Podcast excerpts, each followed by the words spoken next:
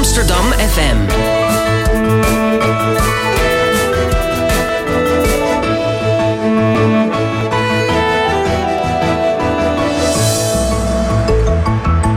Radio Swammerdam.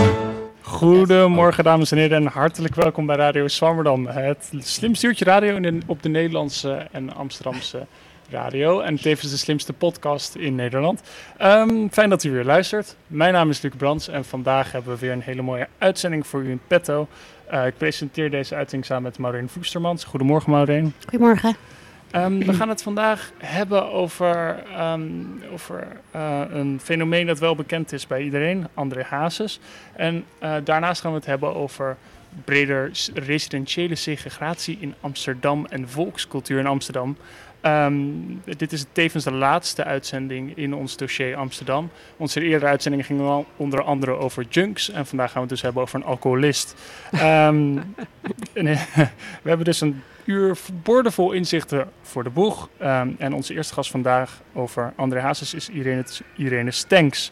Zij is antropologe aan het Meertens Instituut en heeft onderzoek gedaan naar het fenomeen Hazes.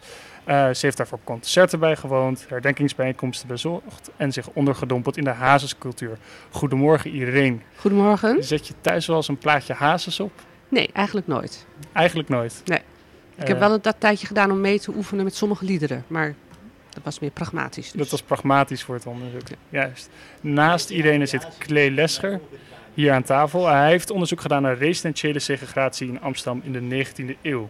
Met andere woorden, de mate waarin Amsterdammers van verschillende klassen gescheiden van elkaar woonden in verschillende wijken. Of juist door elkaar woonden.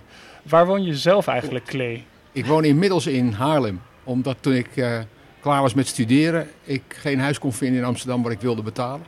En de huizen die ik kon vinden, die wilde ik niet hebben. Dus uiteindelijk ben ik naar Haarlem toe eh, gegaan. En dat is volgens mij een bekende dynamiek. eh, Dat is een hele bekende dynamiek. Ik De trein zit vol met forensen elke ochtend en elke middag weer terug. Ja, het is 20 Klopt. minuutjes, zoiets. Ja, 16. Maar dan is het goed te doen. Amsterdam Centrum Osdorp, zeg maar. Ma, prima. En we hebben verder ook aan tafel zitten Karel Verbeek. Die hebben we al eerder gesproken. Goedemorgen, toen was je bij ons te gast. Eh, vandaag ga je een column eh, eh, aan ons voorlezen. En je hebt ook allerlei interessante geuren meegenomen. Geuren en geluiden. Geuren en geluiden. Eén kunnen we over de radio overbrengen, het andere helaas nog niet. Oké, nou we zijn nieuwsgierig alvast. Ja, hartstikke nieuwsgierig. Ehm, ja, we beginnen vandaag met Irene Stenks over Hazes. Ehm, ruim 6 miljoen mensen keken naar de herdenkingsbijeenkomst voor Hazes... die vlak na zijn dood in 2004 in de Amsterdam Arena werd gehouden. Ehm, nog steeds zijn er regelmatig herdenkingsconcerten, bijeenkomsten. En er is ook een standbeeld onthuld in Amsterdam in 2005 van anonieme Chinese kunstenaars. Eh Hazes is dus een populair figuur en mogelijk zelfs populairder geworden na zijn dood. Ehm, we gaan het hierover hebben met Irene Stenks. Zij heeft hier naar onderzoek gedaan, zoals gezegd, en heeft een boekje geschreven: Het fenomeen Hazes, een venster op Nederland. Ehm, dat is nog steeds verkrijgbaar en ik kan het u zeker aanraden. Ehm, maar om Hazes iets beter te begrijpen, moeten we misschien eerst even fans van Hazes, eh, of bekenden van Hazes en Hazes zelf aan het woord laten. Om te vertellen waar, hoe hij nou zijn eigen populariteit zo goed verklaart. Als volkszanger, dat is, dat is er maar één, dat is, dat is André gewoon. Ja, ik kan het beste vertolken. Als ik, als ik een, een, een liedje ziet schrijven en een tekst ziet maken, die zo even uit zijn mouw schudt, dan denk ik, nou, dat is een geweldenaar. Een ander moet daar drie weken voor gaan zitten voor één nummer, hij schrijft er eh, drie een uur. En dan ben ik, nou, dan ben je een grootheid. En de teksten zijn, eh, slaat echt op mensen en niet zo van ik hou van jou en ik trouw met jou en ik blijf bij jou. Echt uit het leven gegrepen. Iedereen heeft er wat aan. Ja, vind ik wel. Er is altijd wel eh, iets bij dat je zegt, ja, dat is mij Dat slaat op mij of Ja.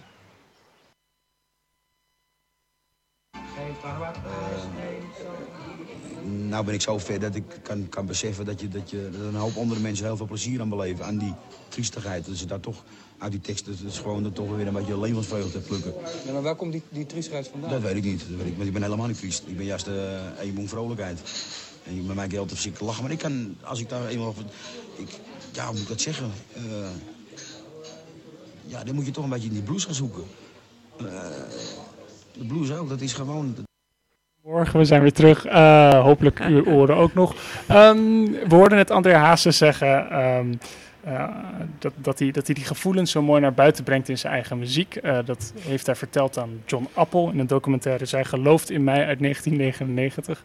Ehm, is dat ook wat je hebt gevonden? Is zijn populariteit te verklaren door, zijn door de gevoel die hij in zijn teksten legt, Irene? Eh, nou ja, het is zeker zo dat daar waar hij over schrijft, namelijk eenzaamheid, scheiding, geldgebrek, mislukte liefdes, dat, daar herkennen een heleboel mensen hun eigen situatie in. Dus dat werkt zo. Het interessante is, wat Hazes hier ook, al zelf zegt, ja, ik ben zelf helemaal niet zo, ik ben eigenlijk één brok vrolijkheid. Maar hij schrijft dus wel eh, teksten die, eh, die over die triestigheid gaan. Dus dat, dat is op zich een interessante paradox. Want eigenlijk wat ook blijkt uit eh, deze documentaire van Appel... maar ook als je ziet hoe er later over Hazes gesproken wordt... dat er met name wordt gezegd van ja, alles wat hij voelde zelf... dat ging recht op, direct op papier. Dus een soort van ongemedieerde echtheid die hop op dat papier kwam... en waar hij dan over kon zingen. Dus terwijl hij- tegelijkertijd, eh, dat Hazes zelf ook zegt dat dat niet zo was... Hè, maar dat is een belangrijk idee eh, om te begrijpen eh, waar, die waar die populariteit ook bij mensen die niet met Hazes meezingen voor een deel vandaan komt. Het idee dat het zo echt is. Dit was wie Hazes echt was. Maar die ongemedieerde echtheid was dus eigenlijk gekunsteld. Nou, eigenlijk, is Hazes net als ieder ander mens. En alle gevoelens worden uiteindelijk eh, gemedieerd. Dus, maar het punt is dat in onze samenleving de ideeën van echtheid en emotie zo gewaardeerd worden. En dat zie je dus niet alleen maar terug bij Hazes, maar bijvoorbeeld ook in de politiek. Dat als politici de juiste emotie tonen op het juiste moment, dat wordt waanzinnig gewaardeerd. En dan stijgt de populariteit van zo'n politicus. Dus er is iets in zijn algemeenheid in de samenleving, een hang-up met eh, echtheid, emotie. En dat, vinden, dat is een van de, de waar- waarom we kunnen zeggen, nou ja, Hazes staat voor een breder verschijnsel in de samenleving. Ja, dat is ook een beetje dus waarom Hazes een venster op, eh, op Nederland is volgens Een jou. van de Echt dimensies, een prisma ja. op Nederland. Ja, ja. En ehm, die ongemedieerde echtheid, die verklaart ook een beetje waarom hij ook populair is bij de hogere klassen die niet per se van volkscultuur houden of Ja. volkse cultuur. Volkse cultuur, hè? want Ja. het bijzondere natuurlijk aan Hazes is dat hij een bepaalde volksheid belichaamt, letterlijk en figuurlijk. Nou, dat, eh, er is een soort van eh, breed gedragen idee dat iedereen in Nederland van Hazes houdt. En dat is een soort van eh, re- retoriek die je al heel lang terug ziet komen. Maar ehm, de manier waarop bijvoorbeeld dan de bovenklasse of de elite van Hazes houden, dat is, gaat toch wel over andere, op een andere manier dan ehm, andere mensen die van hazes houden. Er zijn denk ik maar heel weinig mensen. En ik wil het aan deze tafel best wel iets op inzetten. Dat niemand zomaar op zijn verjaardag. Of als bij het verjaardag van zijn oma. Of als hij thuis onder de douche staat. Hazes opzet. En die, gemedie, die hazes die voor de elite geschikt is, die gaat via kunst. Bijvoorbeeld via zo'n mooie documentaire als van John Apple. Of bijvoorbeeld ehm, een, eh, een film of een, eventueel een musical. Een beetje grensgeval. Ja. Nee, is dat zo? Eh, andere mensen hier aan tafel. Klees, zet je thuis wel eens Hazes op onder de douche? Nee, ik heb nooit Hazes gedraaid. En, maar het is niet zo makkelijk om hem niet te kennen, zeg maar. Ik bedoel, je hebt zoveel gehoord dat iedereen kent een aantal Ja. van die liedjes natuurlijk. Dat komt er niet aan de Marijn. Hazes thuis? Nou, ik, ik ken het wel goed, omdat ik, als, eh, ik werk ook soms als stadsgids. En dan doe ik wel eens van die Hollandse liederen zingen met mensen. maar eh, nee, ik ben, ik, ben, ik ben zelf niet echt een enorm liefhebber. Ik- maar eerlijk gezegd ken ik het ook niet genoeg. En ik denk, als je heel veel je verdiept in iets, ga je het meestal wel leuk vinden. Dus wie weet moet ik dat eens een keer proberen nog. En Caro tenslotte. Hazes thuis? Ik zet ook nooit hazes op, maar als ik het hoor in een bruine kroeg, dan vind ik het wel fantastisch. Maar dat is ook een bekend verschijnsel. Dus dan heeft Hazes een soort van campdimensie. Of een moment waarop je daarin kan zwelgen met z'n allen. Maar dat is een ander soort van houden van dan mensen die, eh, laten we zeggen voor wie Hazes eh, eh, alledaagse eh, muziek is. En die opstaat bij het werk en op andere men- momenten. Ja, want die mensen heb je eigenlijk gevolgd in je onderzoek. Hè? Ehm, je, bent, je hebt heel veel dingen bezocht, plekken bezocht. Je was bij de onthulling van het standbeeld, als Ja. ik het goed begrijp. Mhm, Eh, absoluut. kan je iets vertellen dan wat je daar precies hebt gevonden op dit soort plekken? Nou, wat het- er is gebeurd met Hazes na zijn dood Ja, eigenlijk? Het punt is eigenlijk met Hazes en waarom ik erin geïnteresseerd ben, in ben geraakt. Het is omdat ik een ander onderzoeksproject heb naar herdenkingscultuur. Dus ik raakte eigenlijk pas geïnteresseerd in Hazes toen hij doodging. en ten eerste was natuurlijk al die hele bijeenkomst. Ik vind dat luguber. ja, dat klinkt wel prima. Ja, dus ik ben eigenlijk vooral geïnteresseerd, zou je kunnen zeggen, in de afterlife of ha- van Hazes. En die, dat is waanzinnig, dat na, het leven na zijn dood. Dus het begon er dus mee, en ik ben dus onderzoeker ritueel en populaire cultuur. Ja. Nou, dat komt heel goed samen in die herdenkingscultuur rondom Hazes. Met natuurlijk de, dat afscheid in de arena, wat op voor Nederland toch wel een bijzonder bij, eh, unicum was. Mhm. En de volgende dag stond ook in de kranten, waar zijn we met z'n allen mee bezig? Wie zijn wij Nederlanders al dat we hier met z'n allen naar kijken en dat al die BN'ers daar zitten en zo. Dus is al een soort van, zo, zo zijn wij Nederlanders eigenlijk niet zo. Wij zijn toch Nee. nuchter en zo. Dat vond ik al heel interessant, dit zelfbeeld en hoe dat dus opgeroepen wordt door zo'n gebeurtenis. En dan vervolgens is er een heel jaar lang een aaneenschakeling voor de onderzoeker in elk geval van rituelen rondom Hazes dood.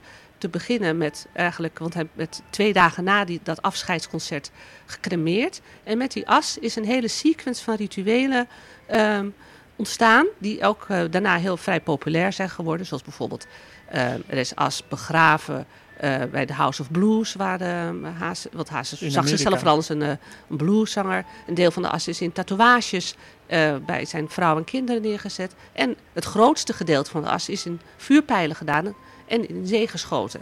Dus dat vond ik al als onderzoeker heel interessant. En dan op, als klap op de vuurpijl, zou je haast kunnen zeggen, was dus de onthulling van dat standbeeld in Amsterdam op de Albert Kuip, want daar vlakbij is hij geboren. Dat, daarom is die pla- plaats daar uitgezocht. En, en sindsdien is die plek als het ware een soort van herdenkingsplek geworden voor fans van Hazes. En die komen vanuit het hele land en ook vanuit België. Want je moet bedenken, van die 6 miljoen mensen die keken, waar was 1 miljoen was Belg. Belg, Ja. Vlaanderen. Vlaam, Vlaam. Dus het, moet, het is natuurlijk een beetje Nederlandstalige muziek, dus dat maakt wel uit hè, in dit geval. Ja. Ehm, nou, en sindsdien ehm, ben ik daar dus eigenlijk altijd op 23 september geweest. Om te kijken wie er kwamen en eh, wat er gebeurde daar. En dat is natuurlijk interessant. Dit klinkt een beetje alsof Hazes gemythologiseerd is. Zou je dat kunnen zeggen, dat het eigenlijk nu een mythe is geworden? Nou, kijk, het is zo dat degenen die daar kwamen, dat waren mensen die bijvoorbeeld ook altijd naar zijn concerten gingen. Dat, wa- dat waren wel, dat waren andere mensen dan mensen die in de arena zaten. Daar zaten dus Oh, allerlei echt? bobo's. Voor een belangrijk deel. Ja, ook. Die zaten er ook, zullen we ja, zeggen. ja, ja. Maar het was een veel, veel gezelschap. Terwijl die, dat waren veel kleinere groepen mensen, misschien honderd of zo, die naar zo'n eh, herdenking kwamen bij dat standbeeld. En die kenden elkaar ook voor een belangrijk deel ook weer van die concerten. Het is een soort van wereld waarin Hazes dus gemist wordt, maar waar door dat zingen en samen bier drinken en dan, dat is heel belangrijk, hè, dat meezingen met z'n allen, krijgt het toch ook een hele feestelijke dimensie. En daarom noem ik het ook een feestelijke herdenkingscultuur, want het gaat niet alleen maar dat iedereen daar staat te huilen. Het klinkt heel paradoxaal, maar dat is het dus eigenlijk niet. Nee, het is eigenlijk meer zo dat er, laten we zeggen, een soort van moreel idee bestaat over wat herdenken is. Misschien is het ook wel Mhm. dat het eerste eh gedachten die van eh, bijvoorbeeld herdenkingen rondom de Tweede Wereldoorlog zijn, snap je? Of eh, ja, laat zeggen, er, zit- er zit altijd iets zwaars in. Maar eigenlijk is het zo, en dat weet misschien ieder mens persoonlijk ook wel, dat op het moment dat opa begraven wordt of iemand anders, dat zo'n begrafenis ook iets van een reunie-karakter karakter krijgt en ook gezellig wordt. Ja. En met, maar alleen het verschil is met deze Hazes herdenkingscultuur, die is publieker, die is op straat. Ja. Hij is publieker, dus hij heeft ook meer betekenis voor de Nederlandse samenleving. Ehm, Holland houdt van Hazes heet ook een serie concerten nu.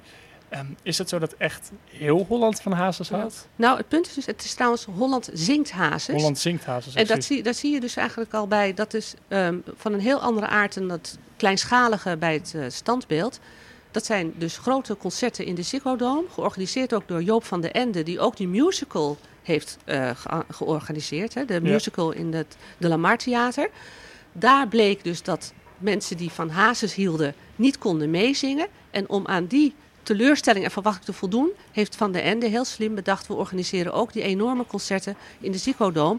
Nou kan je vertellen, dat is natuurlijk best wel feestelijk. Want iedereen komt daar om mee te zingen en bier te drinken. En het is een enorme reuring. Tegelijkertijd heeft het ook een heel duidelijke herdenkingscomponent. Omdat op dat grote scherm worden voortdurend beelden van Hazes vertoond. Toen ik klein was, samen met Willy Alberti zingend.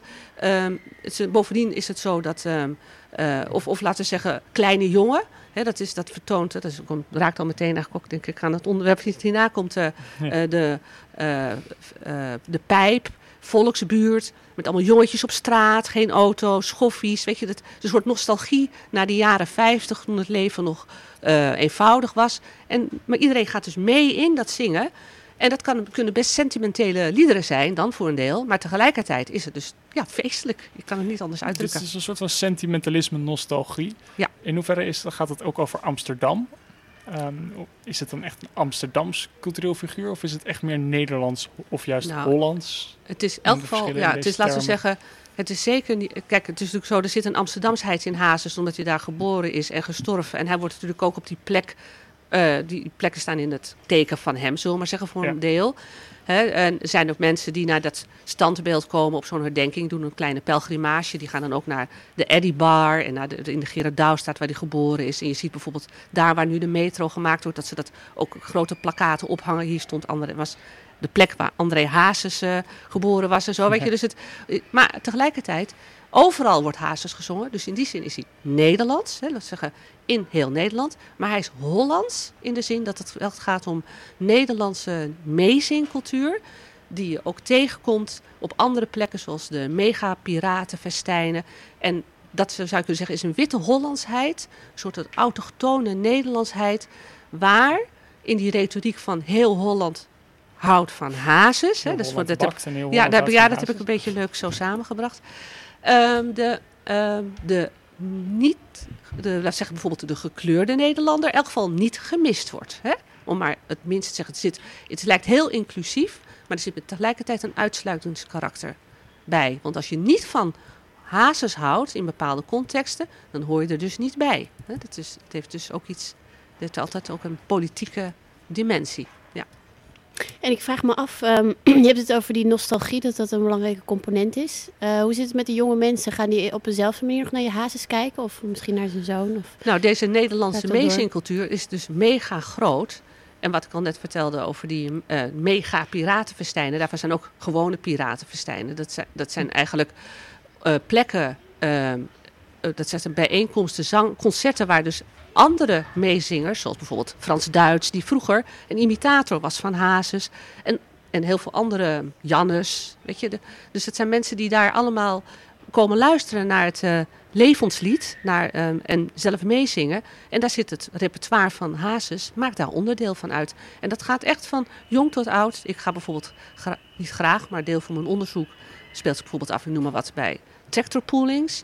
Wat daar gebeurd is, dat is ook Nederlandstalige muziek daar.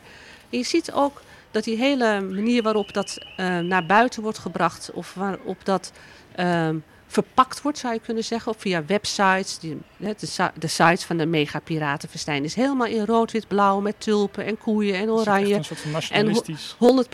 100% NL, muziek van eigen bodem, ehm, radio oranje, met zo'n kroontje erop. Dus er zit echt wel een soort van nationalistische, ehm, ja, eh, autochtone Behoefte. dimensie zit daarin. En, eh, en dat spreekt eh, net zowel jonge mensen aan als oude mensen, dat maakt niet uit. Dus in dat meezingen, dat is het interessante van meezingcultuur of herdenkingscultuur. Het is eigenlijk, je zou kunnen zeggen, cultureel geheugen. Je hoeft er niet, dus het wordt overgedragen via het meedoen, via ehm, hoe je eruit ziet. Of je een hazes, je kan een hazeshoed opzetten of je kan in rood, wit, blauw gaan, weet ik veel wat. Maar het gaat erom, je hoeft dus niet hazes persoonlijk gekend te hebben om onderdeel te worden van deze muziekcultuur, van deze herdenkingscultuur. En dat, dat is, dat is wat, het wordt op die manier wordt het gemaakt. En omdat je zelf erin meedoet als persoon, als meezinger, omdat je, of omdat je een tattoo zet, Ja. word je onderdeel van die collectieve cultuur. Dat is het idee. Ja. En dat, dat kan dus eigenlijk zo doorgaan. Want ik bedoel, Ja. ik was 12 toen André Hazes overleed. Maar ik heb echt wel in een kroeg in mijn studententijd Ja. eens Zij gelooft in mij lopen blaren. Precies, ja. Dus dat, ook op dat, dat niveau is, blijft Hazes dus populair. Ja. En dan zie je dus eigenlijk dat hij ook na zijn dood, eh, zelfs eh, dan pas eigenlijk op nummer 1 in de hitparade komt. En dat er, en dat is ook een, curieus fenomeen wat niet typisch Nederlands is in zichzelf, dat allerlei bekende Nederlandse zangers, zoals Gordon en zo, ik weet eigenlijk niet of hij het was, maar het maakt niet zoveel uit, maar ook zelfs Ali B, die zingen dan een lied in duet met Hazes. En dat is Oh, een ja. bekende, dat zie je dus ook gebeuren eh, met bekende zangers.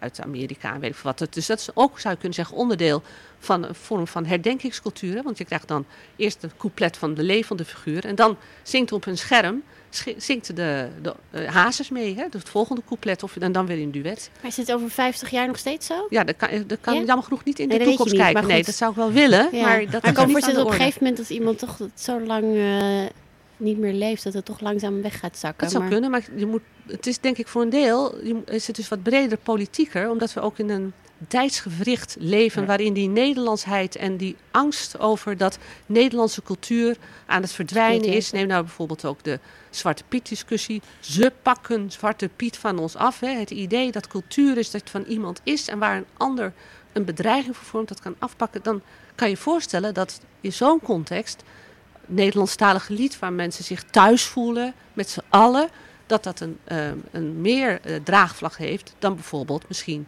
over 30 jaar, of zoals bijvoorbeeld misschien in de jaren 60 of 70, Ja. toen veel meer Engelstalig was op bepaalde plekken. Hè? Maar verklaart dat ook niet zijn populariteit heel erg? Ja, ook voor een deel, dat bedoel ik zeggen, dat hoort daarbij. Dus Ja. daarom is hij nu zo populair, omdat Tuurlijk. dus die, dat nationalisme zou je kunnen zeggen. En met name, ja, dat, zich- hè, dat, dat, dat is eh, belangrijk denk ik ook, dat ehm, eigenlijk eh, de heel veel politiek vertegenwoordigd gaat via cultuur.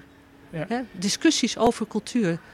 Van wie is het? Wie, wat is de juiste cultuur?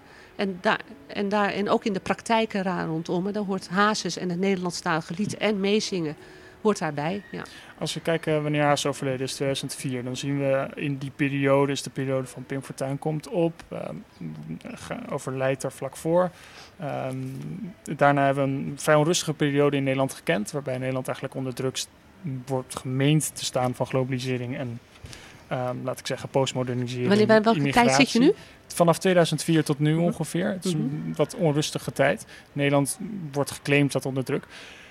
En daardoor hebben mensen een soort van verlangen naar een zekerheid. Want dat zoeken ze dan in andere hazes misschien. Is het dan voorstelbaar dat hij ook populair was geworden als het dan eigenlijk de periode na zijn dood een hele rustige periode was geweest zoals de jaren negentig? Waarin dit, dit niet zo'n publiek onderwerp van discussie was Nou, geweest. Het, het is altijd heel erg moeilijk om al in als dansscenario's te denken. hè. Mhm. Dat, dat vind ik dat is problematisch, omdat je dat niet. dus- en, en het is ook niet zo direct oorzaak-gevolg. Maar ik ben het niet met je eens dat die eh, idee, dat die on, dat laat zeggen de onzekerheid die eh, gepaard gaat met eh, mondialisering, dat dat iets is, is van- van 2004 af. Dat begint eigenlijk al veel e- eerder in de Mhm. jaren 80, misschien jaren 90. Het, Met- ehm, dus laten we zeggen, onzekerheden over de anderen in ons land. Dat, is, dat wordt ook al in 94 verwoord, ver- verwoord door Bolkestein. Dus het is niet iets per se wat in de... sterker gepolitiseerd zou je kunnen zeggen na 2004. Ja, nou, misschien dus dan ehm, met de dood van Pim Fortuyn en Theo van Gogh is natuurlijk wel... Laat zeggen, de en ook laat zeggen 9-11, mogen we niet vergeten. Oh ja. De moslim, de, als, of de islam als echt een hele grote ander en vijand, ook potentiële Mhm. vijand, dat doet ertoe. Dus ehm, er zijn natuurlijk ook ehm, mensen in Nederland die zich vervreemd voelen in eigen land. En ja, dat is misschien ook het onderwerp van dat weet ik eigenlijk niet precies. Maar die dus ook een soort van ehm, ehm, eh, teruggrijpen op een nostalgie van, eh, van de jaren zestig, toen alles nog gewoon wit Nederlands was. Dat, dat, dat gevoel, dat wordt zeker ook gedragen Door door, eh, door, dat zie je terug in, laten we zeggen, in het succes van de Hazes en mega piratenpartij, zangcultuur van nu. Ja, dus- Oké. ja, En daarmee is André Hazes dus echt een venster op Nederland. Ehm, ja, ja dit, dit en onder andere ook dus die, dat hang naar echtheid en emotionaliteit, wat ook veel Ja. breder is dan Hazes alleen. Ja, Eh, nou, hartstikke bedankt eh, Irene. Het Graag boek, nogmaals, eh, wat zij heeft geschreven, is uitgekomen in 2015. Ja. Het fenomeen Hazes Venster op Nederland. Het is uitgegeven bij AUP. Amsterdam Ja. University Press dus. En nog verkrijgbaar en ik kan het u alle zeker aanraden. Ook omdat het heel veel onderwerpen nog behandelt waar we nu helaas geen tijd voor hebben, zoals die echtheid. Ja. Dankjewel Irene. Graag gedaan. Ehm, graag wil ik daar nu ehm, over naar Caro Verbeek. Zij was eerder te gast hier. Zij is geurwetenschapper. Zo wil ik elkaar eigenlijk introduceren. Eh, en zij heeft voor ons een column voorbereid. Ehm, ga je gang, Ja, Caro? Het gaat over een buurt ehm, die André Hazes ook goed gekend moet hebben. Ehm, en over heel Amsterdam. We beleven steden met al onze zintuigen en toch hebben we het over het gezien hebben van Praag, Lissabon of Parijs wanneer we er geweest zijn. En in boeken illustreren we de geschiedenis van steden alleen met foto's. En de bijbehorende teksten gaan nauwelijks in op andere gewaarwordingen dan dat wat er te zien is.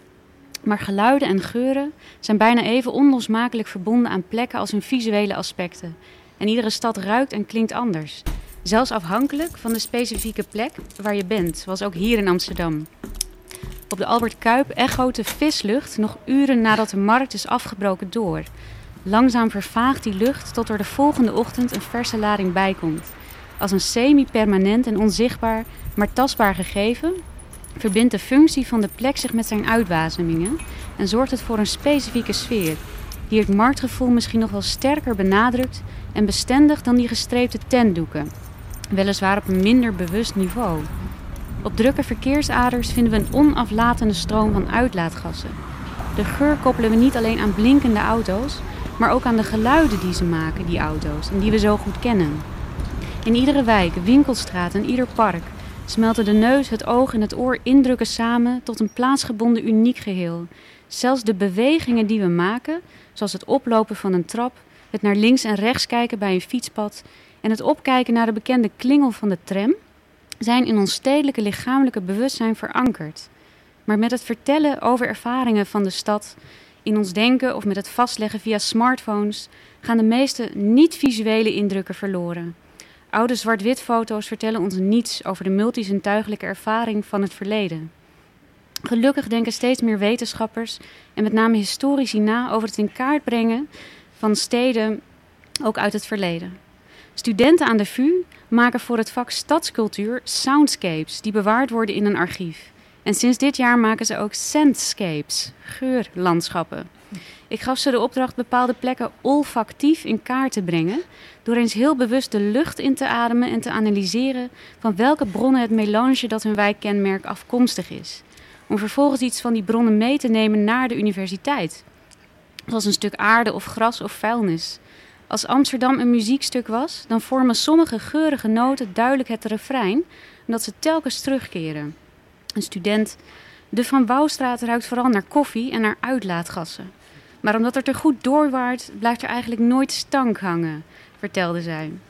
Hier vlak bij de OBA ruikt het volgens een medestudent wederom naar koffie, maar ook naar water. Een ervaring die ik deel. Een regenbui, stilstaand water, lichte schimmels of de gracht.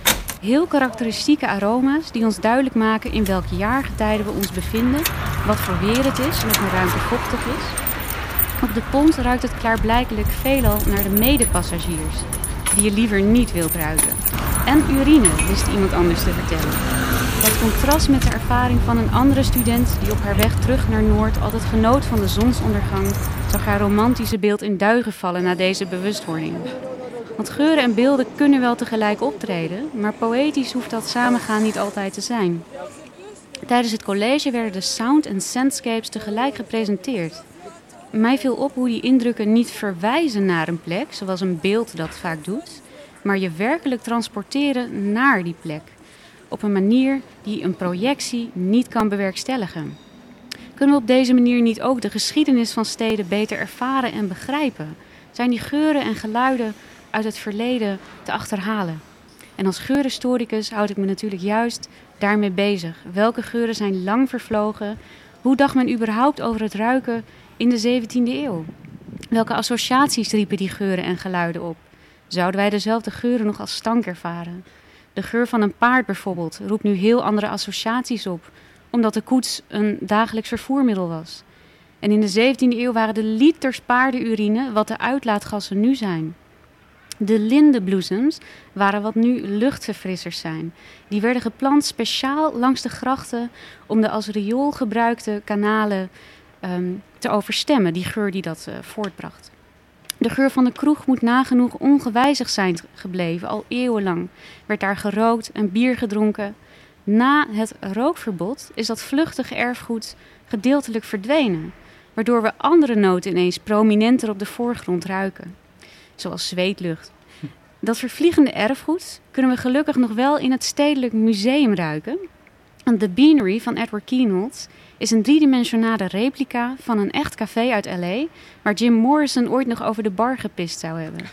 In het kunstwerk zitten mensen achter de toog met een klok op de plaats van hun hoofd. Op de achtergrond horen we de geluiden die Keenholz in die bar in L.A. had opgenomen. Maar het echte realiteitsgehalte kwam vooral door de toevoeging van de lucht die hij zelf componeerde. En na zijn dood schreef zijn weduwe voor het stedelijk het recept nog eens uit. Urine, rancid bacon grease, mothballs en beer. Cook the above ingredients down to form a paste or grease. En concluderend, your neighbors will love you. Dat laatste is veelzeggend, want onze waardering voor geuren is contextgebonden. Wat wij in de kroeg aangenaam vinden ruiken, vinden wij vervreemdend in een museale context. En waarschijnlijk niet erg wenselijk tijdens bijvoorbeeld een begrafenis of bruiloft. In de 17e eeuw werd Amsterdam de maagd met de stinkende adem genoemd. Zouden wij die lucht tegenwoordig wellicht wel waarderen als we het in het Rijksmuseum in de eregalerij zouden verspreiden? Uh, dat was Caro Verbeek, dames en heren. Zij is, uh, zoals ze zelf al zeiden, geurhistoricus. Terwijl zij nu geurtjes uitdeelt aan tafel die wij helaas niet kunnen overbrengen via de radio. Wat ruiken we hier, Caro? Lekker. Ja, wat vinden jullie van die geur allereerst? Zeep ruik ik. Zepig, wc-verfrisser. Lekker, een beetje Bloemen. warm, fris. Warm, bloemen. fris. Dit is de geur van eh linden. Ja, hier. En die werden dus in ge- grote getalen geplant langs de grachten. Om juist als het het meest stonk in de zomer, of in het voorjaar, die grachtenlucht te overstemmen. Oh wauw, dus om de vieze geuren, de stinkende adem van de maagd Amsterdam eigenlijk een beetje te verbloemen. Het is eigenlijk een mondverfrisser in die zin. Dit is een mondverfrisser in die bloemen zin. misschien wel van. Ja, waarschijnlijk al.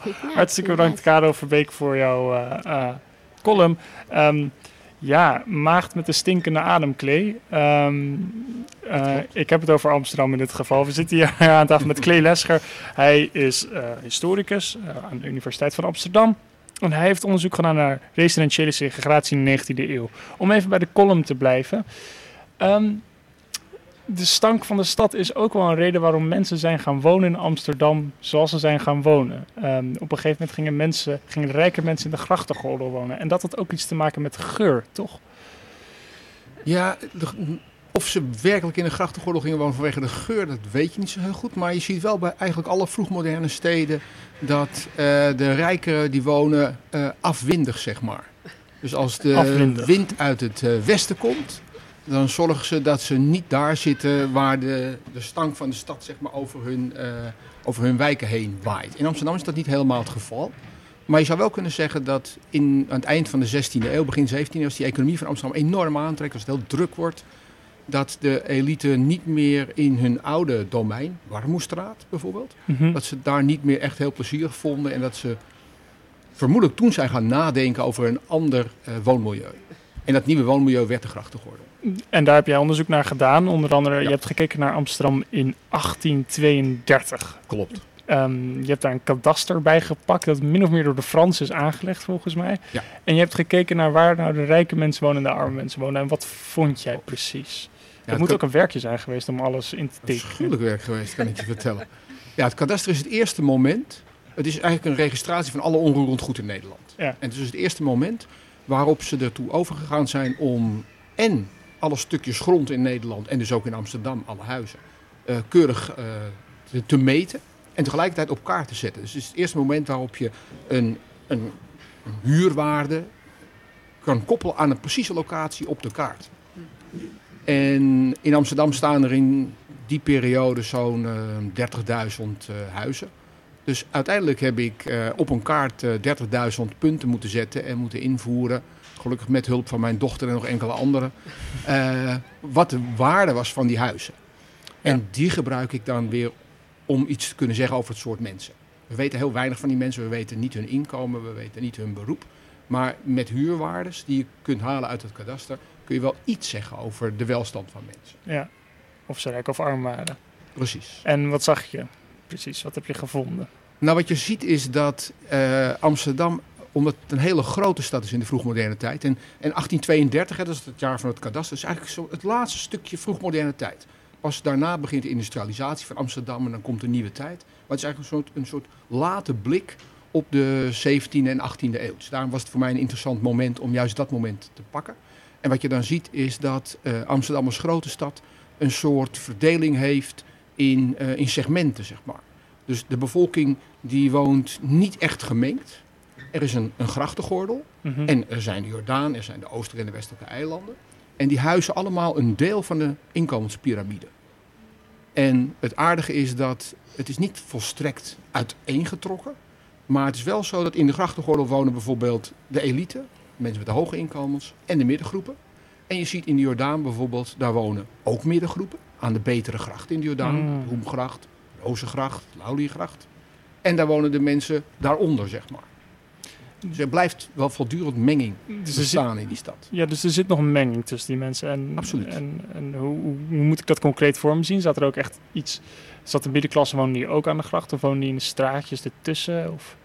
Wat je eigenlijk ziet is dat eh, er, wat je zou kunnen zeggen, menging op gevelwandniveau is. Ja. Dus de rijken die wonen aan de grachten en in de zijstraatjes in de grachtengordel, nu de negen straatjes bijvoorbeeld, Mhm. daar wonen middengroepen, ambachtslieden en winkeliers. En in de Jordaan zie je dat de rijken in de Jordaan die wonen aan de gracht en de armen, de, de, de middengroepen wonen in de zij- en de achterstraat en de armsten die wonen eigenlijk altijd op de binnenterreintjes. Dus de stukken stad die nu bijna allemaal gesloopt zijn, waar je door een, een slopje in kwam. En dan stonden daar op die binnenterreinen, ooit bedoeld als tuinen natuurlijk, stonden gewoon eh, ja, allerlei, wat ze in de 16e eeuw nog kameren noemen, kleine huisjes. eh, slechte doorluchting, Ja. weinig licht, Vies. vochtig. Ja, en op den duur dus ook vies. Stinkend waarschijnlijk ook. En stinkend, vreselijk stinkend. Yes. En, en, en eh, dus er is wel een soort van menging. Dus je hebt in de Kerkstraat bijvoorbeeld heb je middenstand wonen en dan aan de Keizersgracht de rijke mensen.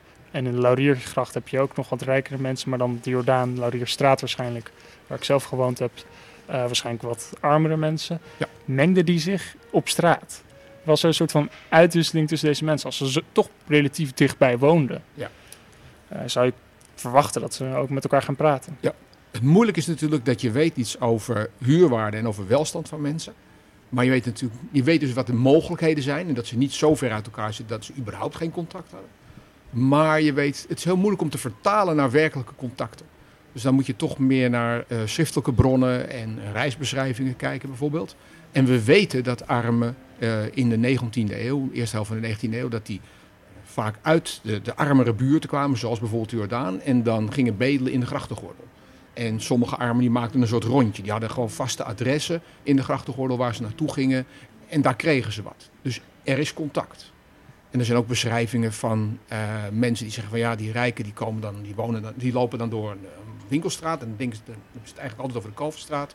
En dan eh, staan ze in prachtige etalages te kijken en dan worden ze opeens afgeleid. Want dan steekt een, een, een arme, een bedelaar, die steekt zijn misvormde hand uit en die wentelt in de slijk. En nou ja, zo. En die verpest Dus- dan eigenlijk een en- beetje de Kalverstraat. Ja, nou, het is een soort vreemde mengeling van aan de ene kant medelijden. Wordt er, eh, in dat soort geschriften wordt er opgeroepen. En aan de andere kant ook eh, hele duidelijke afkeer.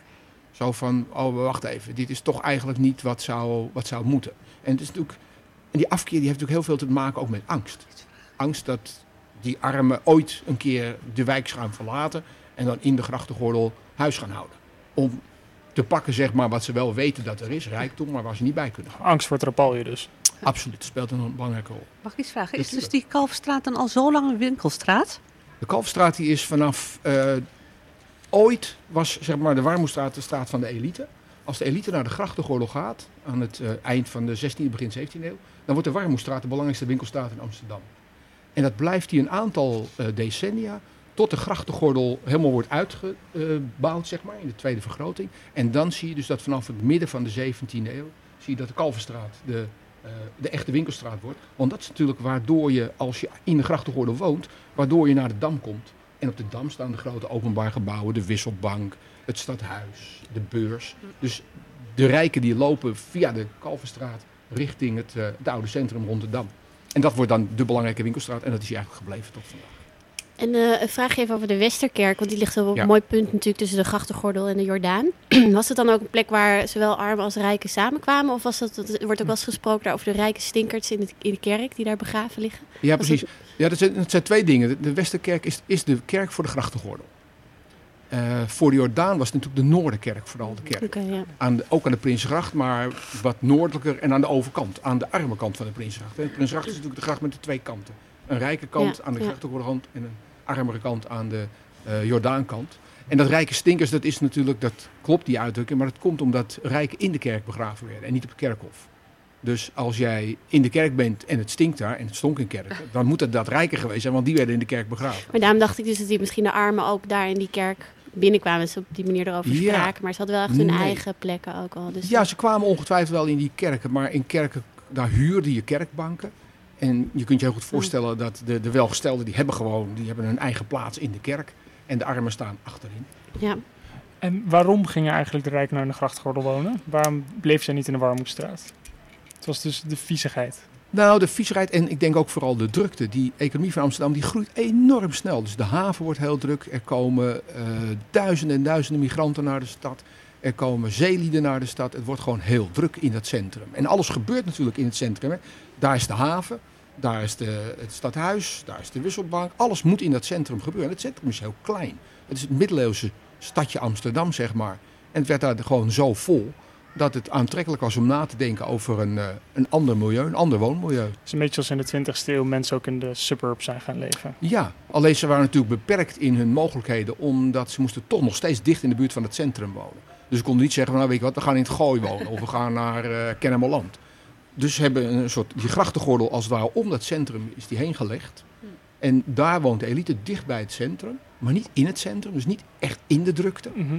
En daarbuiten zie je over het algemeen wijken die armer zijn. En vanaf wanneer is eigenlijk de sociale woningbouw van start gegaan? Dat is pas een 20e eeuw. Dat was in 20e ja, eeuw, er zijn ja. wat kleine projectjes in het, in- rond het midden van de 19e eeuw. Maar echt sociale woningbouw door de overheid. Dat is pas van na 1902 van de Maar je woning. had geen rijke weldoeners die... eh, In, in het midden van de 19e eeuw begin je dat te krijgen. ja. Dan zijn er een aantal rijken die in de Jordaan om zich heen kijken en die denken, ja, maar dit kan echt niet. En dan worden er wat particulier initiatief is er dan. Er worden woningen gesloopt en nieuwe woningen neergezet. In de Willemstraat bijvoorbeeld. Daar staan wat van die oude projectjes. Maar echt grootschalige sociale woningbouw is, is van na 1902. Ja. En bijvoorbeeld dan eh, in verband hiermee het aanleggen van riolering, is dat niet iets ook wat vanuit de gegoede burgerij wordt betaald? Ook om te zorgen dat de mensen zelf geen cholera en zo krijgen? Dat soort Ja, het is wel. ehm, er zijn initiatieven voor eh, waterleiding bijvoorbeeld. Dat is duidelijk vanuit de elite gedaan. Familie van Lennep heeft daar een belangrijke rol bij gespeeld. En daar speelt besmetting en angst voor cholera speelt daar een belangrijke rol. Ehm, riolering is een te kostbaar project om voor particulieren om aan te pakken, zeg maar. Dus dat, zie je, dat wordt een van de overheidstaken. Dat wordt een van de, en dan hebben we het ook pas over het eh, midden van de 19e eeuw. Hè? Midden Dat van laat. Ja, ja, ja, dat is heel laat. Dat dat soort dingen gebeuren. En nu we het toch over historische ontwikkelingen hebben Ja. ehm, en ook verder gaan dan de vroegmoderne tijd, kan ik het natuurlijk niet laten om de vraag te stellen die je eigenlijk niet aan historici mag stellen, namelijk herhaalt de geschiedenis zich hier op dit vlak? Is het zo dat dit een vergelijkbare trend is, die segregatie van toen, met wat nu nogal onderwerp is van discussie in Amsterdam? Het is natuurlijk altijd zo dat mensen met veel geld en middelen, eh, die hebben meer keuzes bij hun wonen dan mensen zonder geld. Ja. En dat betekent als je naar de stad kijkt hoe die is ingevuld, dan zou je eigenlijk kunnen zeggen het zijn de welgestelden en de mensen met politieke invloed, die bepalen waar ze willen wonen en de rest die vult de overgebleven plekken, zeg maar.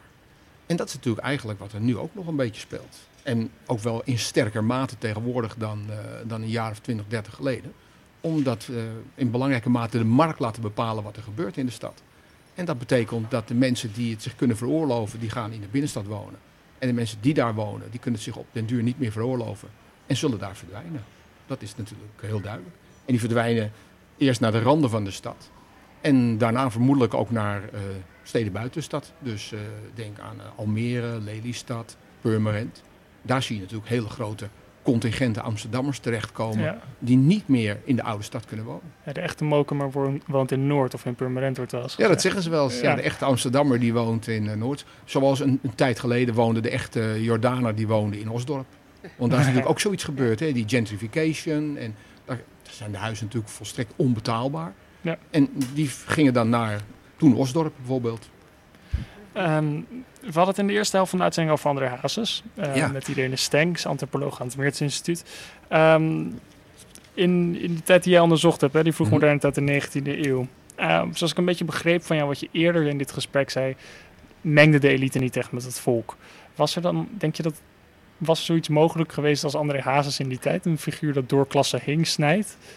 Of Hm. zou dat, is dat echt een anomalie? Keek de Ja. elite totaal niet naar de volkscultuur? Ze hadden kennis van de volkscultuur.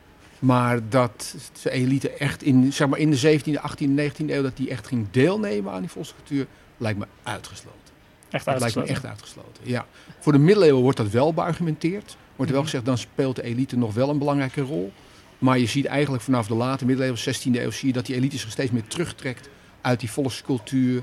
En dat ze ook bezwaar gaan krijgen tegen eh, overmatig drinken en tegen losbandigheid. En alle eigenschappen die altijd aan het volk worden toegedicht, zeg maar. Dus in de loop van de tijd zie je dat steeds, die afstand steeds groter wordt. En in de 19e eeuw, eh, André Hazes in de grachtengordel, dat lijkt mij echt... eh, nee.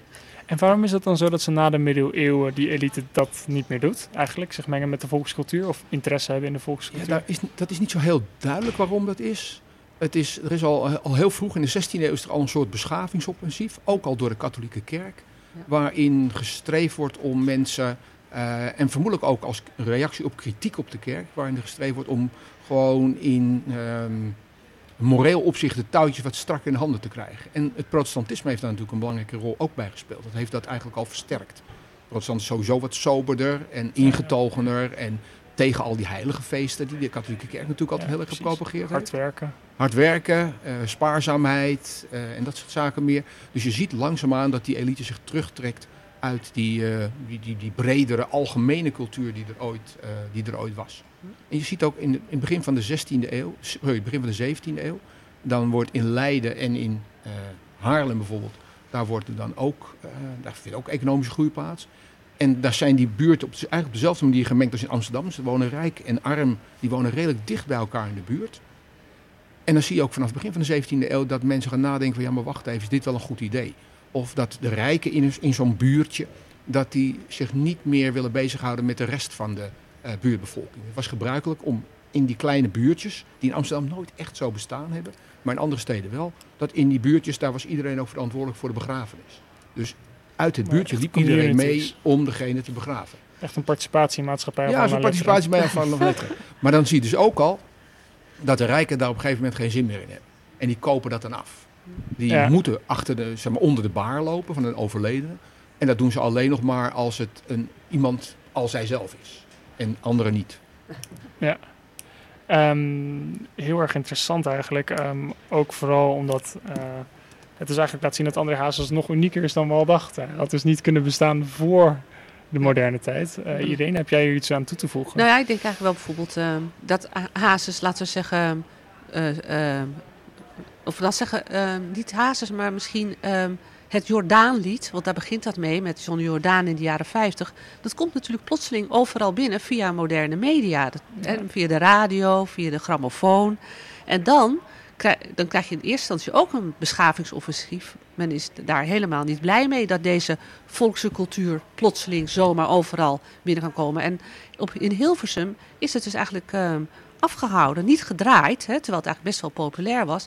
Wel tot in de jaren tachtig, dat is toch onvoorstelbaar, hè, dat dit eigenlijk geen geschikte muziek was. Dus dit hele idee, en waar hoort natuurlijk ook eh, het beschavingsoffensief bij vanuit de, eh, de, eh, de arbeidersbeweging en de blauwe knoop en de hele mikmak vanuit het begin van de 19e eeuw. Dat loopt dus tot heel lang door eigenlijk. Ja, dus eh, wat dat betreft... eh, Blijft een probleem volgens mij bij publieke omroep, toch? Moet je het, het grootste gedeelte van het Nederlandse volk eh, tevreden stellen... of wil je juist selectieve programma's aanbieden? Ja. Nou ja, het, is natuurlijk, het gaat natuurlijk eigenlijk over machtsverhoudingen. Wie Ja. hebben de touwtjes in handen in eh, Hilversum en wie niet? En je ziet dus eigenlijk dat met eh, Radio Veronica en zo de zaak enigszins wordt opengebroken. En daar komt dus ook dat hele idee van die piraten vandaan. Want dat waren de piratenzenders die ook op een gegeven moment op het land muziek gingen draaien. Die uit Hilversum eh, geweerd werd. En er staat dus nog steeds zo'n resentment, het idee dat Hil- Hilversum dat niet voldoende aandacht besteedt aan de muziek van de echte gewone mensen. Dat is dus, of het nou waar is of niet, dat doet er niet toe. Het gaat het is elk van een idee. Ja, en daar zitten dus, eh, laat zeggen, toch, eh, la- laat zeggen, een probleem nog steeds als het gaat om hazes, is toch eh, het, alcohol, het zijn alcoholgebruik. Dus je ziet het ook in die culturele producties als eh, van eh, John Appel, die documentaire, maar ook in de musical en in de nieuwe film van Diederik Koopman. Dat eigenlijk dat bier drinken staat daar centraal in. Het gaat eigenlijk niet eens zozeer om Hazes zangkunst of zo. Hè? Dus het zit echt wel een moreel probleem hier. Ja. Ehm, ehm, we hadden het er net over dat echte Mokumer naar, bui- eh, naar buitenland, wou ik zeggen. Dat is wel heel erg Amsterdamse visie op de wereld. Eh, buiten de ring is gaan wonen, eh, in Noord is gaan wonen en in Permanent en Almere is gaan wonen. Ehm, en dat is eigenlijk een vraag voor jullie allebei. Moeten we dan nu de nieuwe hazen zoeken elders? Moeten we de nieuwe hazen zoeken in Permanent? Ehm Klee mag beginnen. Ja, goeie vraag. Of laat ik, het, laat ik het anders stellen. Moet de volks, leeft de Amsterdamse volkscultuur nog wel in Amsterdam? Het ligt een klein beetje aan wat je natuurlijk volkse cultuur noemt.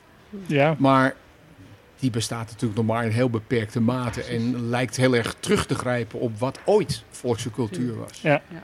En, maar dat is meer een vraag voor jou. Maar ik zie daar niet heel veel dynamiek en nieuwe verschijnselen in voorkomen. Behalve dan dat, dat, dat ik vind dat het, het, het eigene en het nationale steeds sterker wordt Ja. benadrukt. Maar dat is niet typisch iets voor volkse cultuur. Want dat zie je ook Nee, dat is veel in wat breder. we dan hogere cultuur noemen. Dat ben ik met je eens, ja. Dus ik denk dat die ehm, volkse cultuur, waar, eh, laat zeggen, die, dat is de mythologisering waarom onder andere Hazes eh, zo populair is voor een deel. Maar ook Willy Alberti en John Jordaan. Dat was toen zelfs al in de jaren 50, was dat al een nostalgische versie op de cultuur die er was aan het begin van de 20e eeuw. Dus 1910, 1920.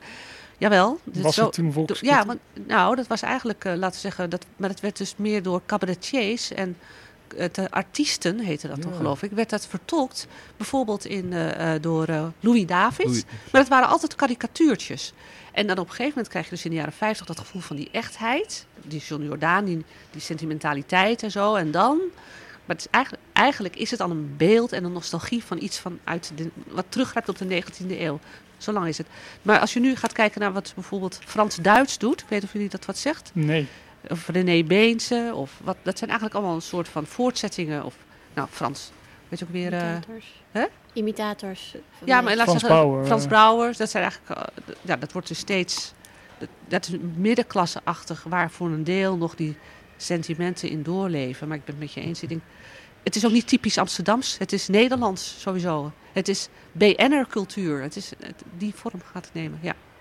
Zit er trouwens een link met voetbal? Ik denk, ik, Ja, ik denk altijd heel erg snel aan de voetbalcultuur en saamhorigheid bij Hazes. Ja, ja, Hazes was natuurlijk, had- dat is een apart ding van Hazes.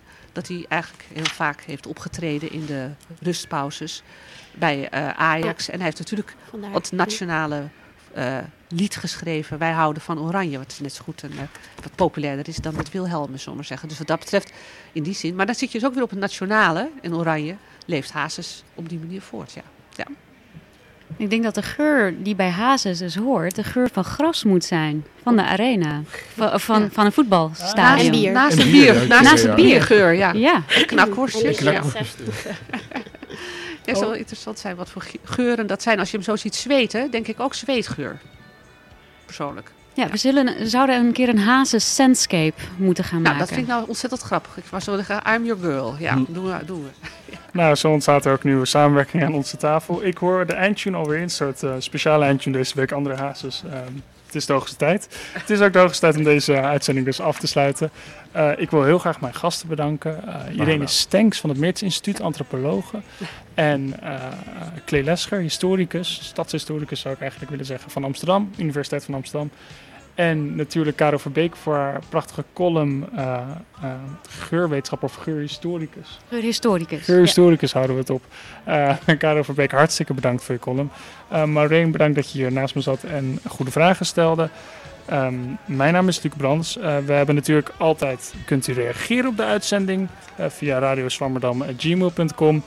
Uh, later vanmiddag komen uh, fragmenten op de website, waaronder de column en de gehele uh, van Amsterdam FM. En de gehele uitzending komt op Soundcloud.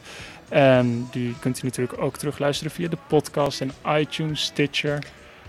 Noem maar op waar u de podcast ook kan vinden. Sluit u aan bij het groeiende legioen van podcast luisteraars van ons programma.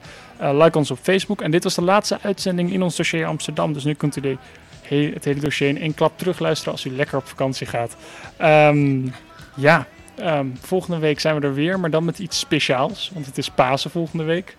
Uh, en ook al zijn wij zo onchristelijk dat wij een radioprogramma maken op zondagochtend, toch doen wij daar iets mee. Um, Ten slotte wil ik ja, nog de technicus in het hok bedanken, Elmer, uh, voor zover het ging vandaag. En uh, ik heb uw luisteraars graag terug volgende week. Dank u wel en nog een fijne zondag. Meneer, u komt hier toch weer. Ja, dat is waar. Al die fragmenten. Ja. Nee, dit kan gebeuren. Eh, Shit happens. Oh, nou dat weten de luisteraars. ja, maar wat, we kunnen, maar wat we kunnen doen... Wat we kunnen doen is, we kunnen het geluid niet wat erin en we kunnen het geluid van de eerste eronder plakken met een best. Ja. De kelner roept, kom op nou mensen, het is de hoogste tijd. Zet het online. Bij de... Want zij weet Ja. besluiten, kom ik thuis te laat.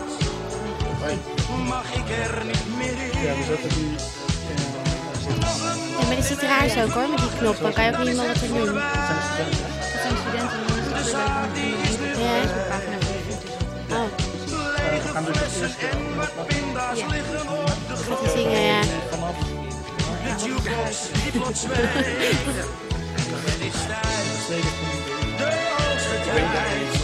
Nee, dat valt heel erg mee hoor. Want wij,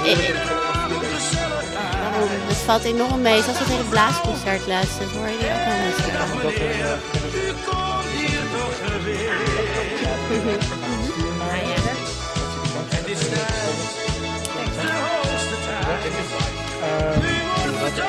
We kunnen, de, we kunnen die pieper ook uitknippen.